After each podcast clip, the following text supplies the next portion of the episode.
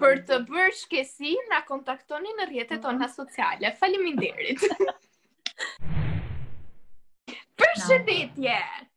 Ne u rikthyem përsëri më në fund, edhe jemi së bashku, si gjithmonë unë dhe Miki, edhe sot kemi një të ftuar speciale midis nesh, që është Ajla. Ç'kemi Ajla? Ju entre. Hello, goca, jam shumë e lumtur që jam këtu me ju sot. Përshëndetje, Miki. Pse e ndërpreve fjalën të ftuarës, moj Altea. Ftuarës. E ftuar më të kishte, thjesht kërkova vetë që të isha pjesë, kështu që mezi po prisja që të bëjmë këtë bisedë. Nice. Unë jam uh, siç kam qenë zakonisht, domethënë përpara kësaj videos prap isha në një humor jo shumë të mirë, këtu ka dalë dielli, dhe mua dielli më bën kështu si letargjike, se dua vetëm të rri shtrirë, por në momentin që nisa reagoja dhe e di që do dëgjoj uh, sunshine-in Altea që na prezanton dhe na mban me bisedë, energjia vjen vetë. Apo jo, Altea? Faleminderit. Këtu ku jam unë është një ditë skandaloze për sa i përket motit edhe uh, ka ndikuar shumë moti tek unë dhe do doja shumë edhe unë në fakt një pak dritë dielli, por që do bëjmë si do bëjmë me këto që na ndodhen. Përdorim këto ring lights për çik dritë ndryshe. Atëherë sot dua që t'ju pyes si fillim, si jeni dhe si ndiheni, si ka qenë java e kaluar për ju dhe do doja që ta filloja me Ajlën, meqë është e ftuara jonë speciale. Java, tani unë kam një rutinë që mundohem nga janari deri në mars prill ta mbaj kështu fully booked veten me aktivitete, kështu që këtë muaj nuk e ndjej fare fundjavë, nuk ka fundjavë, ka thjesht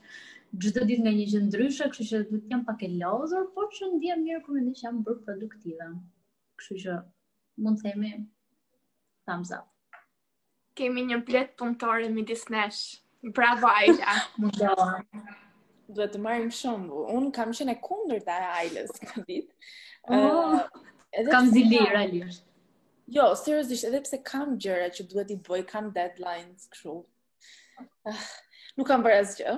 Ë, uh, ky është momenti i rrëfimit tim që jam shumë mbrapa me shumicën e gjërave që duhet të bëj dhe nuk është se nuk kam dëshirë, thjesht ë uh, duket sikur më ka rënë energjia. Edhe mund të ketë qenë si pasojë e mbingarkimit gjatë janarit, edhe ndoshta këto ditë kanë qenë ato ditët që trupi të thotë duhet bësh çik pushim. Dhe që nga dje në fakt, ka ndryshuar, tani jam më pozitive, më duket sikur mund t'i bëj gjërat dhe do filloj të punoj për këto deadline-et, ku një ndër to është uh, një leksion për depresionin që do jetë goxha i gjatë, do jetë me një psikologe shqiptare që quhet Besarta dhe pavarësisht se tema është është pak, domethënë, nuk është pozitive, ë uh, po përpiqem që të gjej një mënyrë që ta uh, pëlqej procesin. Dhe për ato që kanë bërë yoga with Adrian, të shoh ty Altea veçanërisht, ajo thot gjithmonë që procesi është i rëndësishëm më shumë se sa fundi. Kështu që këtë po përpiqem të bëj në një formë kështu self motivation. Po ti Altea? Uh, unë çuditërisht jam në të njëjtën rrjedhë gjëje me ty, edhe unë çuditërisht dje kam arritur të çekoj disa gjëra nga lista ime, sepse unë në fillim të javës bëj një listë për gjithë javën, edhe dje uh, më në fund u vendosa e fillova që të xhiroja pak ato motorët e mi, sepse një, kisha nja tre ditë që isha shumë kështu shumë e bllokuar, Uh, dhe më në fund, domethënë, po, po i rikthehem asaj rutinës time. Megjithëse më është prishur orari i gjumit edhe mua më ndikon shumë pjesa e orarit të gjumit, kështu që duhet të punoj pak me atë edhe ta rinormalizoj. Por që nuk është fundi i botës edhe janë gjëra që i kam në dorë që mund t'i ndryshoj vetë. Dhe tani dua që të kthejmë pak, të ndryshojmë pak rrjedhën e bisedës, po, Kështu, dhe meqë jemi në shkurt, shkurti ka trokitur gja në, në portë, dua që të flasim pak për dashurinë dhe konceptin tuaj për dashurinë dhe qoftë ajo dashuria ndaj vetes, qoftë dashuria ndaj partnerit, qoftë dashuria ndaj miqve, qoftë edhe dashuria ndaj një gjëje materiale qoftë, unë mendoj se edhe këto marrëdhënie që neve kemi me gjërat tona materiale dhe që i vendosim një vlerë emocionale kanë shumë rëndësi. Atëherë një send që e doni, një send që e doni shumë, një gjë materiale që jeni kështu të thoni këtë gjënë e dua dhe nuk heq dorë. Aparatet e mi. No. Unë un, e di që duket çuditshëm, po unë aparatet edhe dhurata ime, surpriza ime e parë në jetë, ka qenë aparati im i parë, dhe unë, e sot e kësaj dite, unë mund ta puth atë, e di është shumë çik e çuditshme si gjë, po kam një lidhje shumë emocionale me aparatet. Po ti Megi? Nuk e di, nuk e nuk quhet send, po një gjë që nuk jeton e rëndësishme për mua është ushqimi. Kjo është gjëja e parë që më ah. vjen. Po. po e di që s'quhet send, besoj se si send mund të jetë ose laptopi, sepse është vendi ku un krijoj, shoh, mësoj, edhe kam një kështu lidhje pozitive. Sepse do thoja për shembull telefoni, po telefoni në të njëjtën kohë më jep dhe ankth, kur është, I don't know, e lidh me shumë kështu lëvizje negative, kurse laptopi është ai vendi që e hap edhe shoh gjëra jam vetvetja. Ua, tani mund duket si reklamë. Laptopët janë pozitivë kur i përdor pozitivisht. po, ty, Ajla? Po. Unë telefonin kam, kështu që nuk e ndaj, po më duket më shumë se ato fiksime të këqija, si ato lidhje toksike, se sa si dashuri, kështu që dashuri një gjë që e dua shumë është shtëpia. Domethënë, është shtëpia që jetoj, kam jetuar aty gjithë jetën dhe e njoh me sy mbyllur dhe s'do doja kurrë që ta shisnim atë shpinë, është diçka kështu që ta ruaj si gjë shumë që kemi një lidhje spirituale, si vend e kam kështu top 1, domethënë. Shpinë time. Po. Një pyetje më erdi, keni dhe ju për shembull brenda në shtëpi lugë ose pirun të preferuar? Që domethënë, unë për shembull kam një lugë në shtëpinë time në Shqipëri, që është goxha e vjetër edhe fakti dhe nuk shkon fare me lugët tona, po mua më pëlqen shumë edhe kam një lidhje dhe nuk e kuptoj, nuk e nuk arrij as ta shpjegoj këtë lidhje, por më pëlqen atë shumë vetëm sepse është ndryshe. Edhe, domethënë, ndoshta mund të mos ketë atë uh, cilësinë dhe fundja fundit lugët nuk është se më duken një ndryshim shumë i madh midis njëra-tjetrës, por uh, kam një lidhje me një lugë specifike.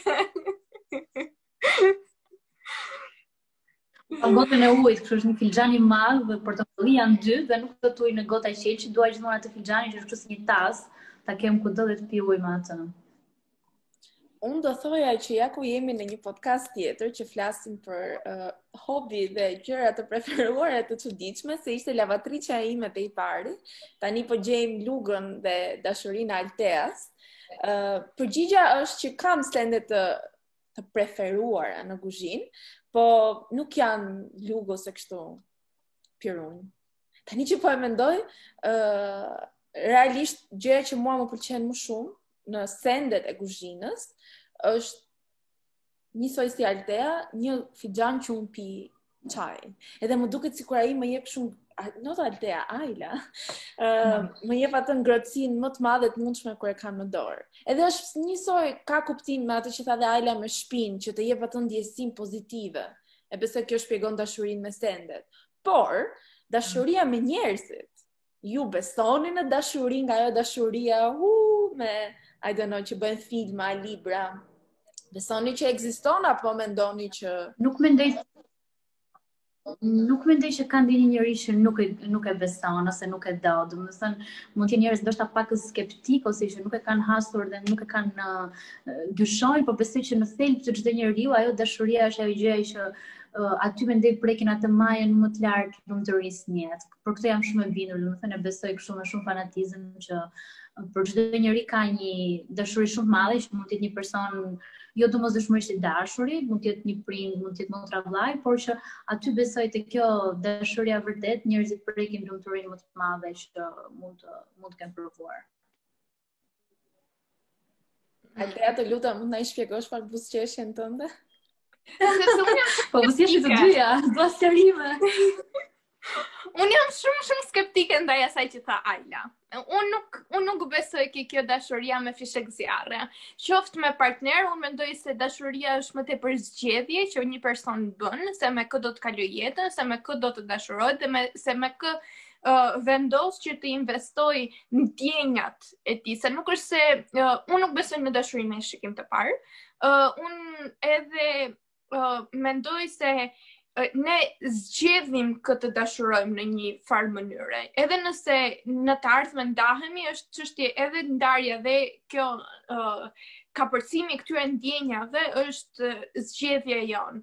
Dhe unë, se të gjithë e dim që thonë që të bën zemra bam, por është thjesht një proces që ndodh në tru, kështu që uh, nuk jam jam shumë skeptike e këtyre ndjenjave që lexohen edhe që shihen në filma, uh, sepse më pëlqen të jem skeptike. Unë qoftë edhe për një lloj informacioni jam skeptike, kështu që edhe për këto gjëra jam skeptike, por ë uh, vazhdoj edhe këmbëngul që është çështje zgjedhjeje, neve investojmë kohën tonë edhe ndjenjat tona tek njerëz të ndryshëm gjatë jetës sonë dhe qoftë jo vetëm ë uh, marrëdhënie dashurore romantike, por edhe në lidhje me njerëz të tjerë që hasim në jetën tonë, ne investojmë kohën tonë edhe kjo na bën që të mendojmë ndonjëherë që neve thjesht dashurojmë këtë person. Ka të bëjë por që është nuk është ajo kryesorja që e mban edhe e e, e forcon këtë lloj marrëdhënie. Mendoj se ka disa shtylla të tjera që janë shumë shumë më të rëndësishme. Mendoj se um, marrëdhënia është ajo uh, kimia, siç thuhet rëndom ose ajo uh, ndjesia fillestare, ndjenja, tërheqja, qoftë edhe seksuale ose nuk e di, por um, uh, dashuria tamam nuk mendoj se bazohet më shumë ka ajo ke këto ndjesi që thashë pak më parë.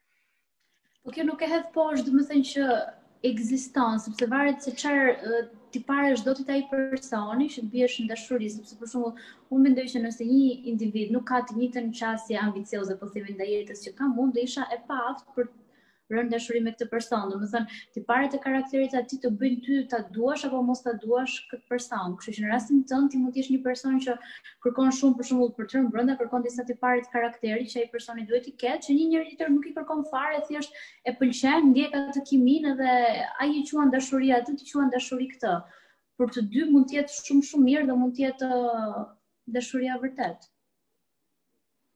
Pikërisht, sepse sipas perceptimit tim, kjo nuk quhet dashuri e vërtetë. Kjo është problem. E, dhe si, ashtu siç e mendoj unë këto marrëdhëniet njerëzore me njerëzit edhe me një partner që mund të kesh gjithë jetën ose qoftë edhe uh, marrëdhënie shoqërore. Unë nuk nuk shoh thjesht këtë ndjesinë ose klikun ose nuk e di, uh, thjesht çështjen e ndjenjave dhe tërheqjen. Uh, bazohem ke disa gjëra të tjera që për mua janë çik më të rëndësishme se sa thjesht kjo tërheqja kryesore. Po ti më ke ka aplikuar atë më fal një gjë. Altea ka aplikuar atë shprehjen që nuk e di ku e kam dëgjuar, por më ka ngelur në mendje që thotë dashuro me mendje, jo me zemër. Dhe nuk është kështu, domethënë, është kjo pjesa që shikoji gjërat pak më thellë, mos hec verbazi po shif pak më inside person. Dhe më pëlqen, edhe unë jam me të njëjtën Faleminderit. Medi, unë mendoj që jam më afër asaj që tha Altea. Por unë e kam shumë dëshirë, edhe jo e kam shumë dëshirë, por e pëlqej shumë sufizmin. Edhe Rumi një nga personat që është themelues, flet për faktin që dashuria është çdo gjë, dashuria është jeta dhe çdo gjë bazohet në dashuri. un besoj në dashuri, po nuk besoj në dashurinë që siç e thashë dhe kur bëra hyrjen, isha pak bias. Nuk besoj në dashurinë që jepet nëpër filma ose ato që shkruhet nëpër librat limonadë, ku flitet për atë fiksimin, infatuation, atë ndjesinë që e dua, nuk jetoj dot pa të, nuk nuk është kjo mënyra që unë e kuptoj dashurinë. Ëm uh, dhe mendoj se nuk ka fare rëndësi nëse ju bini ose jo dakord me mua. Mendoj që të gjithë gjejnë mënyrën e tyre uh, për t'ia shpjeguar vetes dashurinë, edhe për ta kërkuar tek njerëzit e tjerë. Ë uh, mendoj që është e gabuar kur ne përpiqemi të japim një përkufizim që të gjithë ta shohin në këtë formë. për sa kohë ti e gjen diku dashurinë dhe e pranon që ekziston, pra unë e mendoj ndryshe formën, dikush tjetër e mendon ndryshe, po e di që ajo gjëja që është më e fortë se çdo gjë tjetër ekziston, ë uh, atëherë unë mendoj që jemi okay. Domethënë nuk ka nevojë për shumë debat, se edhe këtu që kur nga pyetjet që të bëri Ajla, Po dhe në vende tjera kur kam kërkuar për këtë temë, veçanërisht me Shën Valentinin e gjitha këto që do të diskutojmë, ë uh, më duket sikur njerëzit luftojnë që ti të biesh dakord me idenë time për dashurinë. Nëse ti nuk bie dakord, thjesht më tregon që ti s'ke rënë në dashuri. Nuk e di pse zëri im ndryshoi, po. Domethënë, janë këta njerëz që të thonë, ti s'beson dashurinë me shikim të parë, s'e ke provuar. Po nuk jam I mean, ok, ndoshta s'e kam provuar këtë që ke provuar ti, po dashuria është dashuri edhe dashuria çon përpara çdo gjë. Qoftë dashuria për pushtet, qoftë dashuria për të ndihmuar njerëzit, qoftë dashuria për veten. Ajo është që është ai që çon rrotat përpara. So, yeah, unë besoj patjetër, thjesht jo në këtë gjënë që jepet veçanërisht kur je adoleshente. bashkë me hormonet krijohet një situatë e çmendur ku ti krijon idenë që do gjesh princin tënd të kaltër dhe pastaj ke shumë vajza e djem që zhgënjehen nga partneri sepse partneri nuk është perfekt apo nuk është ashtu siç ti mendon se duhet të ishte. Por kjo është një temë për një herë tjetër se uh, realisht mendoj që mendimet tona për partnerët janë shumë të gabuara. Edhe kjo sjell marrëdhënie të pashëndetshme. Ose zgjedhim t'i shohim siç ne mendojmë se janë, ose rrim vetëm, se jemi kemi standarde. Po atë. Uh, dua që të shtoj pak tek pjesa meqë preke pak uh, princin e kaltër, uh, dua që edhe t'i japim një një këshillë sado të vogël që askush nga ne nuk ka nevojë për një princ të kaltër që të vijë ta shpëtojë nga njerka uh, e keqe. Kështu që Më mendoj se është shumë e rëndësishme për t'u thënë kjo gjë. I mean, uh, ndoshta kemi nevojë për një princ të kaltër, por ndoshta nuk është princ dhe ndoshta nuk është i kaltër. Mund të jetë një shok, mund të jetë një qenush, mund të jetë dikush që na ndihmon në situata të vështira. Dhe njerka mund të jetë një situatë, I don't know, pandemia ose diçka tjetër. Dhe tani dua që të kaloj pak tek 14 shkurti, festa shumë e njohur, të cilën Meki ndoshta do dojë që të na shpjegojë historinë se si është krijuar 14 shkurti. Në fakt nuk e kam dëshirën ta shpjegoj, se më duket sikur është diçka që gjendet kollaj online, është thjesht Shën Valentini ai shenjti që kishte dikë të dashur që i çonte letra. Historia është shumë shfryrëse se sa gjëja që është krijuar. Po un kam dëshirë që e lëm, ndoshta këtë e shkruajmë diku, po e lëm më njanë këtë dhe thjesht diskutojmë pak aspektin e uh, shprehjes së dashurisë me zor, për 14 shkurt që duhet t'i bëj një dhurat të dashurit, të dashurës, duhet ta tregoj kush i ka lulet më të bukura në punë ose ku di unë këto gjërat me zor. Ajla, mund të fillosh ti se e shoh që ke diçka më të thjeshtë jam shumë, domethënë sidomos nga mënyra se si ti shpjegove tani se si e përshkrove, m'u kujtua që jam thjesht shumë kundra kësaj gjëje, domethënë s'do isha kurrë njeriu që do festoja Shën Valentinin, se më pëlqen gjithmonë që të bëj dhurata, më pëlqen ta shijoj, domethënë jetën ditë pas dite, nuk është se pres ditëlindjen, po themi për të festuar me shoqet ose Shën Valentinin për të festuar, kështu që nëse ka njerëz që duan një motiv më shumë për të për ta festuar, le ta festojnë, por që nuk është se ka ndonjë kuptim, domethënë ndoshta ka pasur vetëm për këtë të shenjtin që ka dërguar letra, por që ka mbetur, kështu që ata që duan të ta gëzojnë si ditë. Sidomos gjimnazistët që që nga koha që isha unë gjimnaziste, ajo ditë kanë bëj fare mësim dhe ishte festë. Në gjimnazin tim nuk festohej kjo, 14 shkurti, po... Ok, në rregull ti, për ty nuk ka shumë... Duke si një brez jemi, nuk e di... Po, pytja ime është kjo, a nuk mendon që është pak e dëmshme? Kjo dashuria e forcuar. ajo dita apo ideja, domethënë, Ndoshta po kjo që i ka bërë dëm njeriu kjo festa, domethënë nuk është se ka uh, bërë ndonjë person që të lidhet, po themi vetëm që mos jetë single, më shumë është çështje për meme ose siç e thash për njerëz që duan të gjejnë një motiv për ta festuar, nuk nuk mendoj që uh, i ka bërë keq njeriu, domethënë. Altea me sa shoh ka një mendim ndryshe. Po pra e pash dhe unë pak shumë. Un Unë po e them botërisht. e kam shumë inat Shën Valentinin, duke qenë se kam studiuar për marketing edhe di se si shfrytëzohet edhe e gjithë farsa e Shën Valentinit është vetëm çështje që kompanitë e kanë shfrytëzuar për interesin e tyre dhe është e gjitha një flluskë e krijuar prej kompanive sepse atë ka një rritje çmimi, domethënë një rritje çmimesh është një rritje të shumë të madhe të të blerjeve. Ëm um, e di shumë mirë, mos harrojmë për shembull ka çokollata vetëm sepse janë në formë zemre që shiten që shiten dy fish e tre fish nga e njëjta kompani vetëm për formën e tyre në vetëm këtë ditë të bekuar të vitit. Kështu që un jam shumë kundër ëm um, kësaj idesë së të festuarit të Shën Valentinit me zor që është shtyr me reklama dhe me mënyra të ndryshme, me fushata të ndryshme nga kompani të ndryshme.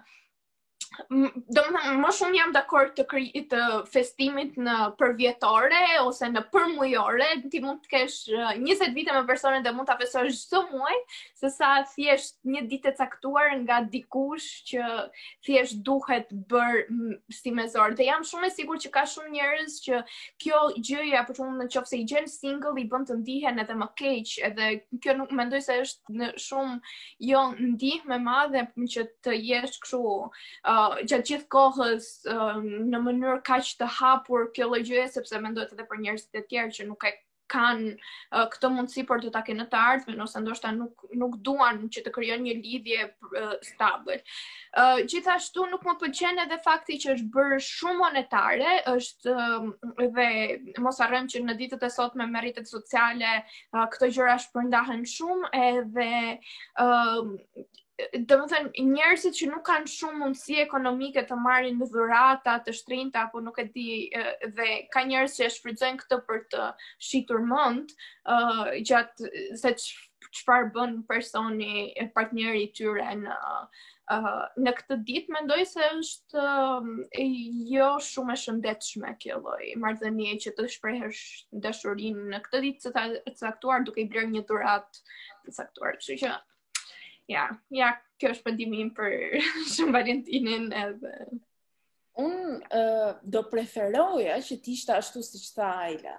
Do preferoja që realiteti t'ishte ku njerëzit, ata që duan bëjnë dhurata, ata që s'duan janë indiferent, nuk ndikohen, po fatkeqësisht mendoj që Altea ka shumë të drejtë kur thotë që ndikon në uh, sjelljet tona financiare, dhe ndikon në gjëndjen tonë emocionale. Njoh shumë njerëz që, ha, kjo, tani, domethënë, jo, s'kam ndonjë lidhje shumë të afërt me këta njerëz, po ka njerëz që kur vjen Shën Valentini, e kërkojnë atë pacient, e, pacient, e kërkojnë atë uh, partnerin, ose partneren me zor, sepse duket sikur dhe ata duan të nxjerrin një foto ku kam dalë edhe sikur duke i nxjerrë me kurriz ata persona që dhe un kam dalë për Shën Valentin. Dhe kjo mendoj është shumë e dëmshme, sepse partneri apo partnerja nuk zgjidhet ë uh, kështu, thjesht sepse duhet. Zgjidhet kur ne na bën mirë dhe na ndihmon në qëllimet tona, siç tha dhe Ajla, një person që është ambicioz si unë, E preferoj një person që është ndryshe, jo, tani për Shën Valentin ndoshta tregu është i limituar edhe duhet të dalësh me një person që është ambicioz. This is not good. Sepse një po, po kjo pjesa e festës nuk mendoj që ndodh vetëm në Shën Valentin. Kjo ka një probabilitet që të ndodhë edhe ke festat e dhjetorit, për shembull, të gjithë duan atë ngrohtësinë ose te festat tek pushimet e verës, të gjithë duan të kenë një partner që të lëvizin nëpër jug, domethënë është pak ai vibe i festës që ta ta ta e humba fjalën, ta imponon, duke qenë se mendoj është kjo pjesa që folëm që pari që shoqëria kështu na ka rritur, domethënë i kompletuar të jesh çift. Viti i ri do ishte më bukur sikur të ishe çift. Pushimet e verës do kalojnë më bukur po të jesh çift. Domethënë, kjo ndodh me gjithë llojet e festave. Nuk pushimet e verës. Në te pushimet e verës me sa di un janë më tepër unë njoh shumë më shumë njerëz që duan të lidhen që të kalojnë pushimet e verës bashkë sa për Shën Valentin, kështu që si miq i kam dhe njerëz se s'i kam të afërt. Ore, po hajt t'i takojmë këta edhe të gjejnë njëri-tjetrin, se ndoshta janë shpirtra binjakë. Kështu kjo është gjithë ai vibe, besoj, ndodh herë pas here gjatë vitit, domethënë, nuk ndodh dhe më Për të bërë shkesi, na kontaktoni në rrjetet tona sociale. Faleminderit.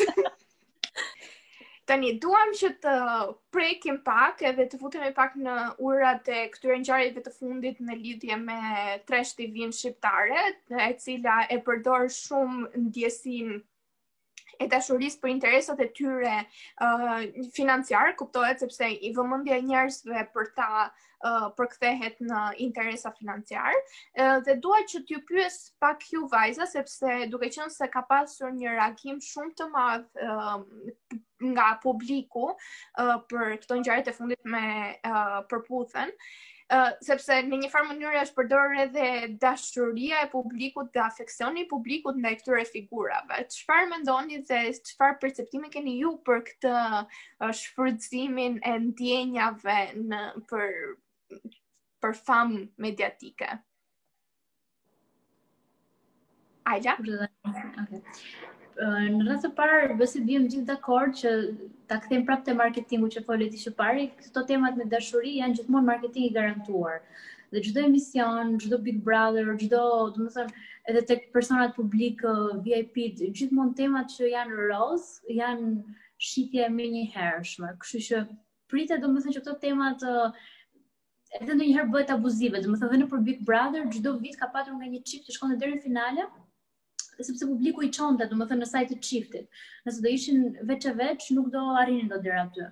Kështu që besoj unë duket një më është dukur një gjë normale gjithmonë që të jetë përdorur pakëz sepse në vetvete si ide nuk është e mirë që të përdorësh ndjenjat për për të fituar popullaritet. Për sa i përket programit, mendoj që në fillim është ditur që në sezonin e kaluar që për këtë gjë po bëhet dhe për shembull njerëz unë që e kam parë, e kam ndjekur, e kam ndjekur më shumë për të shtyrë atë gjysmorëshin e darkës që kam dashur të shplodhem, nuk është se kam besuar vërtet që aty do të ketë ndonjë dashuri që do lindi dhe do zhvillohet bukur. Kështu që personalisht dhe pse e kam ndjekur nuk mund ta konsideroj që kam pas ndonjë dashuri për personazhet aty.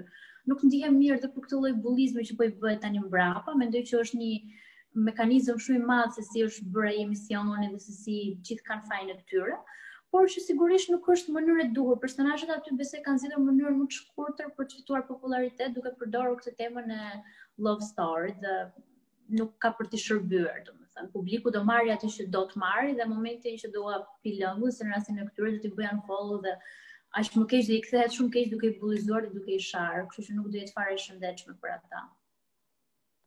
Je, yeah, preke disa gjëra shumë që vlejnë, po për t'i kthyer përgjigje pyetjes së Alteas se si e përdorin dashurinë, uh, unë mendoj që kur shef këto lloj serialesh apo ku di unë programesh, ti ndihesh sikur mund të jesh ti Tea ose mund të jesh ti Andi ose mund të jesh ti secili njëri në love story.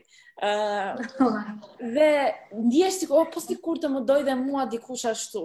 Dhe mendoj kjo ndjesia që dhe ti dikush mund të të shohë me sytë e dashurisë, mund të zihet për ty, mund ku di unë skenat e xhelozisë, mendoj kjo të tërheq që t'i shohësh këto lloj emisionesh dhe pastaj si rezultat tërheq audiencë, ata tërheqin pastaj uh, sponsora e kështu me radhë. Dhe krijohet komplet ai mekanizmi i televizionit.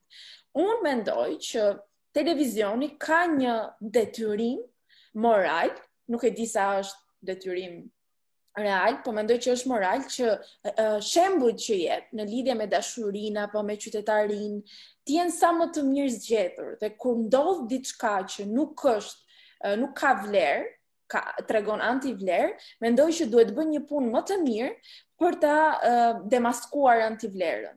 siç e shtyn pjesën që të marrim sa më shumë audiencë, të bëjmë sa më shumë uh, klikime, apo ku di unë për një sherr, apo për diçka që ka ndodhur, mendoj që i detyrohen publikut që t'i japin edhe pjesën e ndoshta analizës që pse kjo gjë nuk duhet bërë, qoftë për sherre, qoftë për shembuj dashurie si në rastin që folëm, që janë realisht shumë toksikë uh, dhe me bazë gënjeshtrën, që gënjeshtra nuk të çon askundi. Përkundrazi, siç e morën famën, gjithë ato gjërat që kanë përfituar, mendoj që po i kthehen mbrapë si bumerang edhe do jetë shumë e vështirë, mendoj që nuk do jetë do dëgjojmë për ta. Do dëgjojmë në aspekte jo të mira. Shpresoj që ata të jenë duke u kujdesur për shëndetin e tyre mendor, sepse bullizimi është diçka shumë e vështirë, të heq ty vlerën si person, uh, sepse realisht mendoj që ka pasoja jo të mira. Mund të japim këtu dhe një kështu mini mesazh të vogël, meqenëse doli nga tema e Përputhen, unë mendoj që të gjithë njerëzit, sidomos këta të rinj, duhet të kenë shumë kujdes kur bëhen pjesë e këtyre programeve reality nëpër televizione të ndryshme.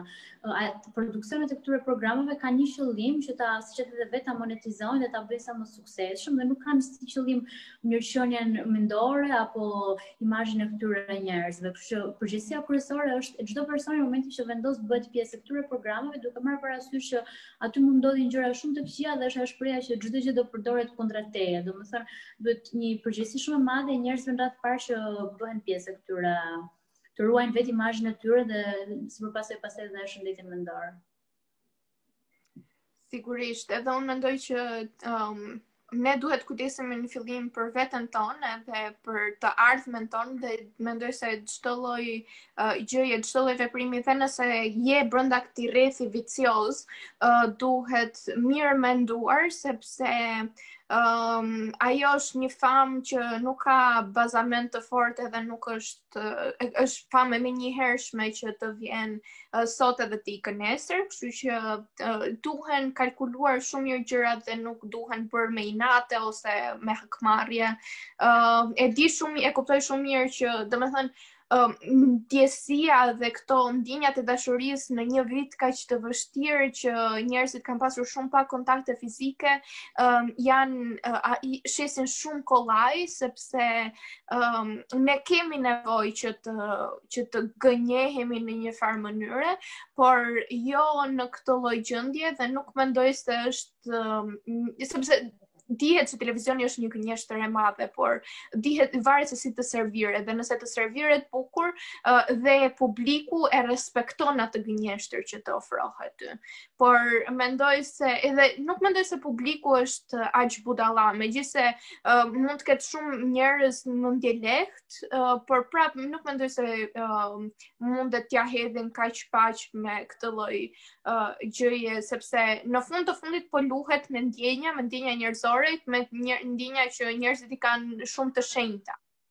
Atëherë, tani për ta përmbyllur dhe ju falënderoj vërtet vajza për mendimet tuaja sepse ishin shumë të vlefshme dhe mendoj sikur uh, shumë njerëz të ishin si puna juaj, uh, bota do dukej shumë më e bukur. Jo, thuaj, uh, po çik uh, mos u bëj kaq modeste. Shumë faleminderit. Atëherë Aida, dua të filloj me ty, meqë ti je e ftuara speciale për për ne. Shpresojmë që të të kemi edhe herë të tjera të ftuar. Ë uh, dua që të të pyes. Një gjë që të ka lumturuar gjatë kësaj jave, një gjë që ke mësuar gjatë kësaj jave dhe një gjë që nuk të ka pëlqyer aq shumë gjatë kësaj jave. Ok, po e nis me gjënë që kam mësuar. Kam mësuar dy gjëra dhe një e mësova falë Megit, por nuk po e gjeja atë videon para ca ditësh që ta ribëja share te profili im. Kam mësuar që për njerëzit si puna ime që kanë probleme shumë të mëdha me kujtesën, gjumi është jetik. Unë kam një problem që më kap ajo ora nga 9 deri te 12, filloj gënjej veten dhe harrohem Asnjëherë nuk e bëj tetorarshin e plotë, por që do filloj të mundohem tani që të bëj një gjumë sa më të shëndetshëm që të kem një kujtesë sa më të mirë. Sepse unë harroj, domethënë, harroj gjërat më minimale dhe kjo gjë më streson. Gjëja e dytë që kam mësuar është që të mësosh një gjë të re do shumë shumë impenjim. Këto kohë po merrem me frëngjishten dhe jam gjithë kohës duke dëgjuar podcaste, duke u munduar sa më shumë ta përvetësoj dhe është një rrugë shumë e gjatë. që kam përpara. Çfarë më ka mërzitur është sepse njëri nga aplikimet e mia që kisha bërë për master, që ishte në Skotësi, më erdhi përgjigja dhe më thanë që nuk jam përzgjedhur, sepse për Shqipërinë kishte një mesatare më të lartë se çfarë ata e kishin publikuar te websajti i tyre dhe se mesatarja ime, kështu që jam cut off dhe një gjë që më ka lumturuar nuk është se po më vjen ndonjë gjë konkrete në mendje tani, siç e thashë kam pas një javë shumë teknike, por që mm, kjo biseda këtu ishte shumë positive vibes. Shumë faleminderit, edhe jam shumë e sigurt që gjëra edhe më të mira do vijnë për ty edhe uh, me këtë investimin që ti po bën ke vetja jote, kjo do të të hyjë shumë mirë në punë të ardhmen, sepse Një gjuhë tepër është një portë shumë e madhe që të hapet ty. Ndërsa është një pyetje dhe ti meqë e di shumë mirë, mund t'i përgjigjesh?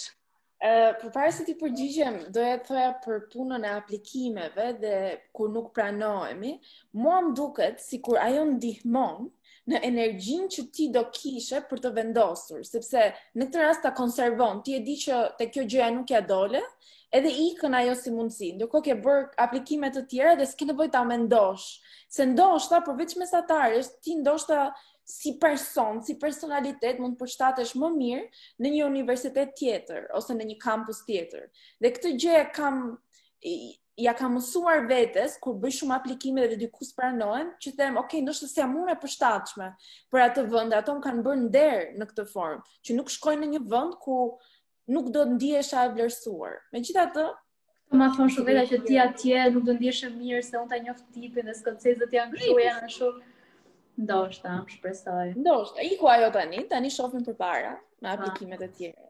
Uh, pastaj për t'i kthyer përgjigje pyetjes, ndërkohë që ne po flisnim, unë po përpiqesha të gjeja gjëra, po nuk është se gjeta ndonjë gjë specifike, kështu që duke folur do do më dalin, po e lë mendjen. Një nga mënyrat më të mira by the way që mund të mendosh është duke ecur dhe ose duke bërë një gjë tjetër. Në këtë rast duke folur, hapen ca zgavra dhe dalin kështu ndonjëherë gems. Besoj se ju ka ndodhur, po. po. Gjithsesi. Um, tani, diçka që kam mësuar këtë javë, është që ne duhet ta marrim hapin. Domethënë, nëse kemi një ide, duhet që ta flasim dhe ta provojmë.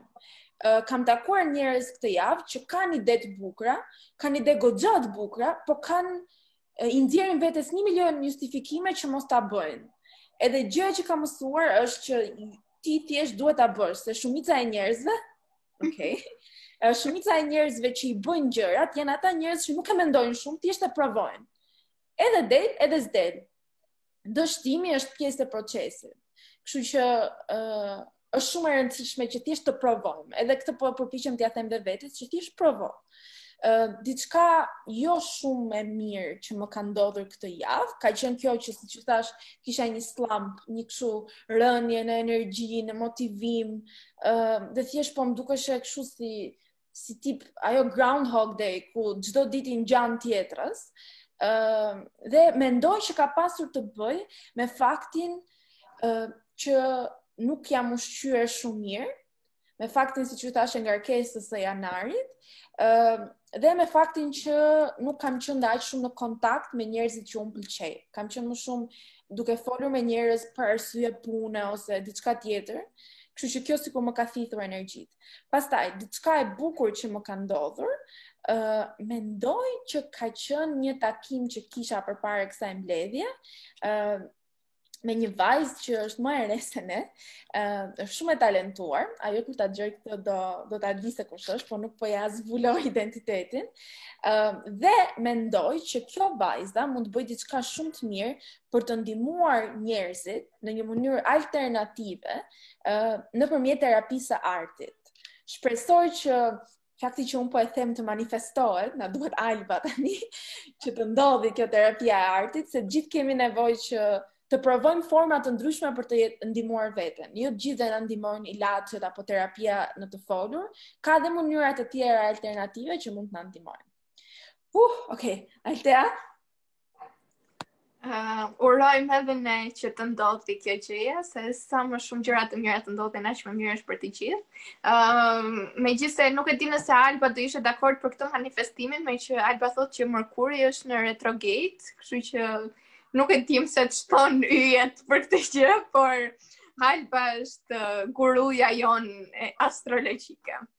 Uh, unë do të filloj me diçka jo të mirë që më ka ndodhur, që faktikisht ishte ajo gjëja që thashë edhe më përpara, kam qenë totalisht pa energji, jo e motivuar, siç isha një javë më parë, uh, dhe kjo mendova se do më rifuste prapë në disa skuta të errëta ku kam qenë edhe më përpara, por që Um, sot, domethënë, dje në darkë, e kup, domethënë, filluan ingranazhet të punonin përsëri, kështu që e kuptova që është thjesht, është thjesht normale, është thjesht pjesë e jetës.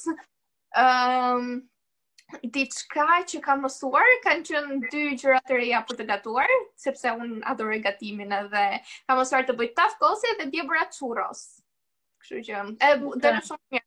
Pros jo të skuqura, por të pjekura që të mos jenë pak më të shëndetshme se sa churrot normale. Merr dhe nga Kristina recetën e patëllxhanave të mbushur. Ëh, nuk e di nëse do të bëja patëllxhanë të mbushur, sepse unë i bëj çik më ndryshe nga Kristela. Një për Kristelën, Kristela të përshëndesim, Altea nuk i pëlqen patëllxhanët e tua. jo, thjesht është mënyra ime që i preferoj t'i gatuaj sipas gjyshes time. nuk më pëlqen që të kem recetën.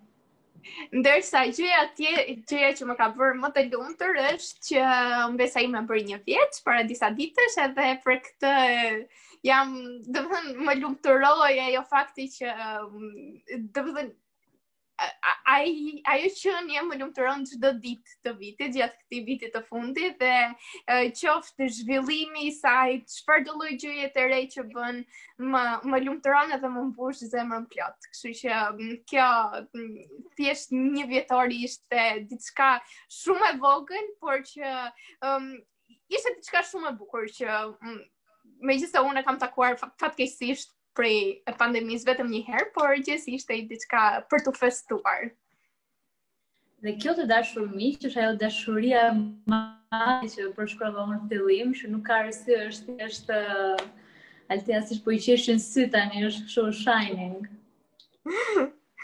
po më do të më Jo, um, Altea, një vit është një kohë shumë, domethënë, se ti the që nuk është ndonjë gjë e madhe. Ajo ka jetuar një vit të tërë në këtë kohë, në këtë periudhë. Kështu që do jetë gjithmonë një fëmijë pandemie, uh, ka sjellë pozitivitet edhe dashuri të mirë. Kështu që mendoj që ka shumë vlerë. T'u bëftë edhe njëqind, mamit vetë. Shumë faleminderit. Po, edhe ty. Uh, E kam fjalën, nuk janë shumë vite të mëdha kohore, por që kur e krahason me gjithë dashurinë që na jep të gjithëve ne familjarëve të saj, është shumë e madhe dhe me shumë vlerë. Ëm um, Kështu që ne do e mbyllim këtu. Ju falenderoj shumë vajza për këtë bisedë kaq të mirë që për mua më dha shumë energji të mira që të vazhdoj ditën edhe të bëj shumë gjëra. Uh, uroj edhe për ju të ketë qenë e këndshme. Po, edhe unë mora shumë vajb pozitive. E marr gjithmonë kur bëjmë këto takimet tona, domethënë dhe me game show-n edhe këtu, kështu që do marr pjesë më po, shpesh. Po, po, po,